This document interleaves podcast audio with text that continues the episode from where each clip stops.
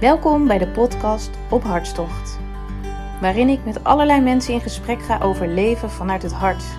Wat is dat nu precies en hoe doe je dat?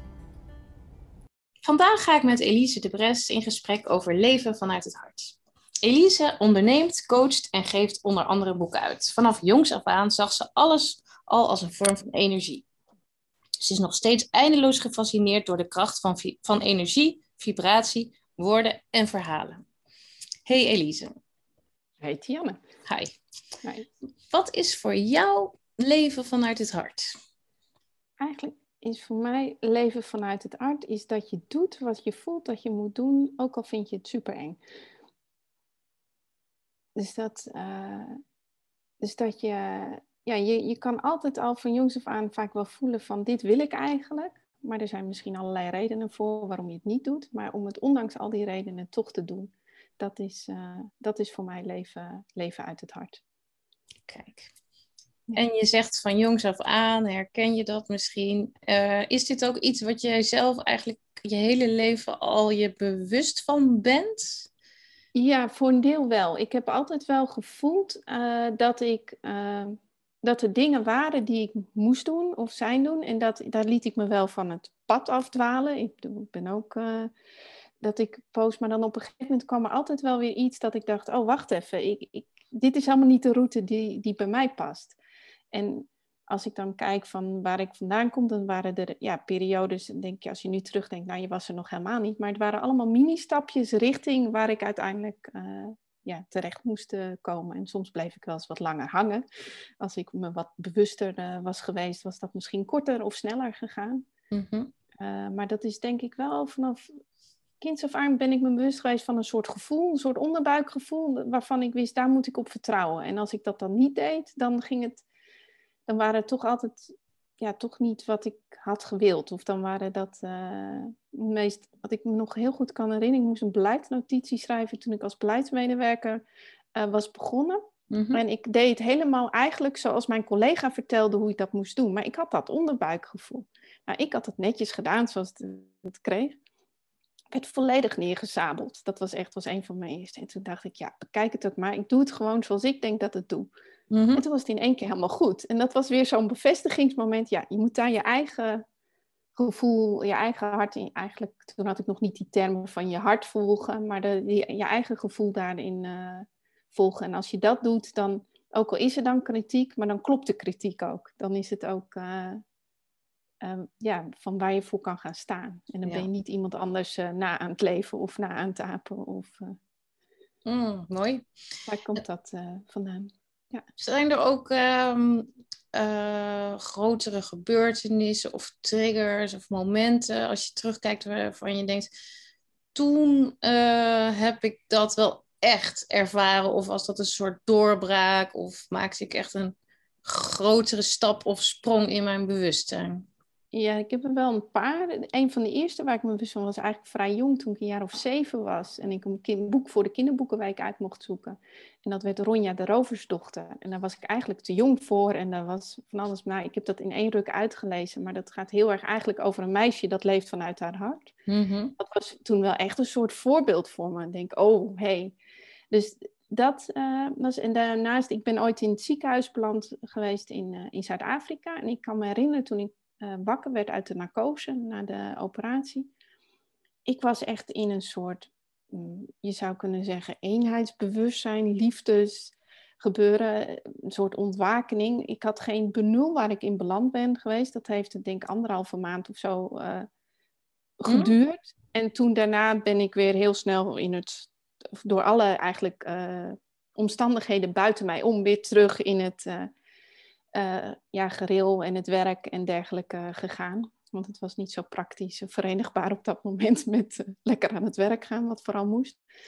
Maar dat, uh, dat heeft toen wel, dat is wel altijd, toen is er echt iets geopend op nog weer een heel ander niveau. En dat, daarna heb ik dat wel weer heel bewust gesloten, maar er is altijd een stukje open blijven staan daarin. En dat, dat zijn wel, waardoor ik gewoon wist, wacht even, dit is er ook. En uh, nu is misschien niet even het moment, maar dat komt wel weer. Uh, ja.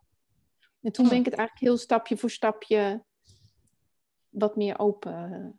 Ja, gaan maken. zetten en wat op gaan zoeken. Ja, mooi. Ja. Ja. Heb jij ehm, daarvoor concrete tools of technieken of waar, waar- die je kan delen van, hè, dat is best een abstract begrip voor sommige mensen, leven vanuit je hart of in je, vanuit je hart eh, de dingen doen. Ehm, hoe doe jij dat? Om, om echt even uit dat hoofd in je hart te komen. Nou, hetgene wat ik eigenlijk al het langste doe, is gewoon een kop thee pakken, een lekkere kop thee, en gaan zitten. Hm. Niet meer dan minder en gewoon zijn met waar ik dat moment ben, hoe ongemakkelijk het ook is, en daar niet van weglopen.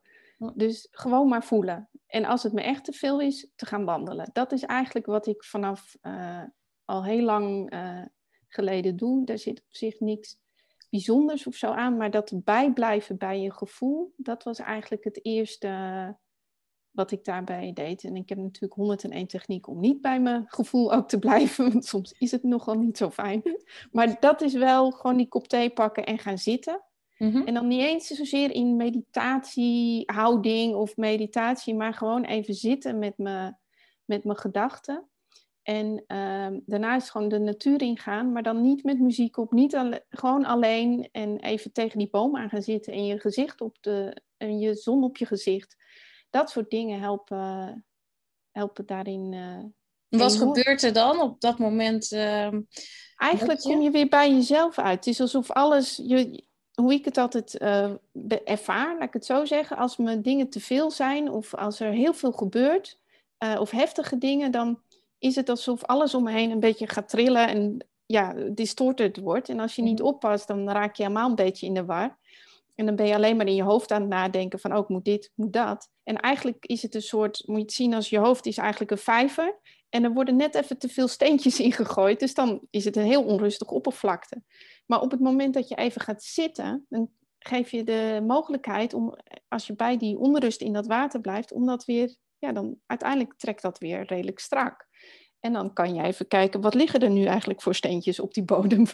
Wat is er allemaal ingegooid? En dan zie je dat het ene misschien wel kleiner is eh, dan je dacht, of het andere is groter dan je dacht. En dan kan Ja. je van daaruit, vanuit die rust, kan je dan ook beslissen, moet ik er wat mee? Eh, moet ik hier actie op ondernemen? Of was het gewoon even in dat moment dat iemand wat zei, maar ja, ik was moe, dus daarom voelde het alsof iemand me een knal in mijn gezicht gaf. Maar dat was het helemaal niet.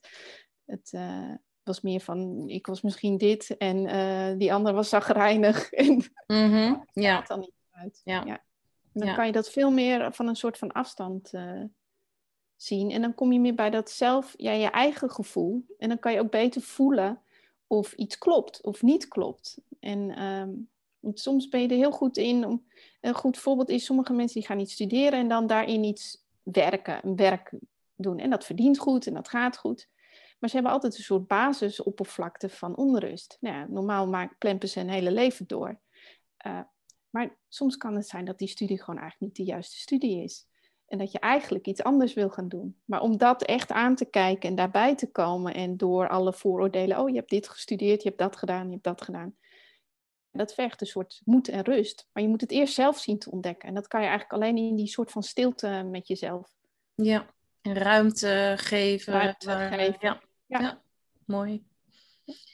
hey, en ehm, ehm, nou, we kennen allemaal van die momenten dat je denkt, "Bah, niet helemaal mijn dag. Of ehm, nou, ik kan helemaal niet bij, eh, bij dat hart of bij mijn gevoel. En ehm, muziek helpt ons bijna allemaal wel. En Ja. ik vind het mooi om daarin ook wat uit te wisselen. Is er een nummer of een eh, muziekstuk waarvan jij zegt, eh, nou, dat is echt voor mij zo'n zo'n bijdrage om dat hart te openen of te verwarmen? Ja, ik heb steeds andere nummers, andere muziek. Ik heb niet één nummer. Op het moment eh, luister ik bijvoorbeeld Follow the Sun van Save Rut. Ja? Bijvoorbeeld, omdat het een bepaald soort lichtheid eh, geeft, wat ik een mooi tegenwicht vind van al het eh, zware wat er op Mhm. het moment, eh, vooral via de media, op ons afkomt. Eh, maar bijvoorbeeld ook in die les die ik voor jou heb opgenomen, daar heb ik een aantal eh, eh, muziekstukken zitten in die heel erg op hartsfrequentie bijvoorbeeld gaan. En ja, die zijn gewoon relaxed om eh, te luisteren. Maar als je die dus in je achtergrond, bijvoorbeeld terwijl je aan het werk bent, eh, luistert, dan is het makkelijker om bij dat gevoel bijvoorbeeld eh, te blijven.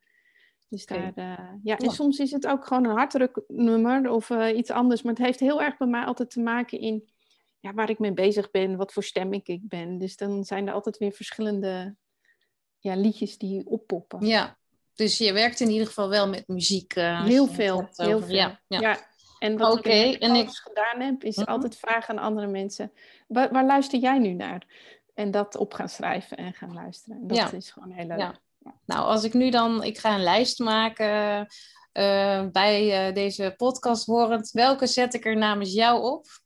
Uh, follow ja, en ook een ander nummer, die, dat heet Spark. En dat zal ik je wel even okay, sturen. Ja. Dat is een instrumentaal nummer, maar er zit een soort golfbeweging in en die komt heel regelmatig uh, terug. terug. Fijn. Ja. Nou, die zetten we erop. hey, dankjewel voor dit mooie gesprek. Leuk om je zo uh, te horen spreken over jouw ervaringen met het hart en het, uh, jouw hartstocht. En uh, ja. we zien elkaar. Bedankt voor het luisteren van deze podcast. Wil je meer informatie en inspiratie? Kijk dan op www.ophartstocht.com.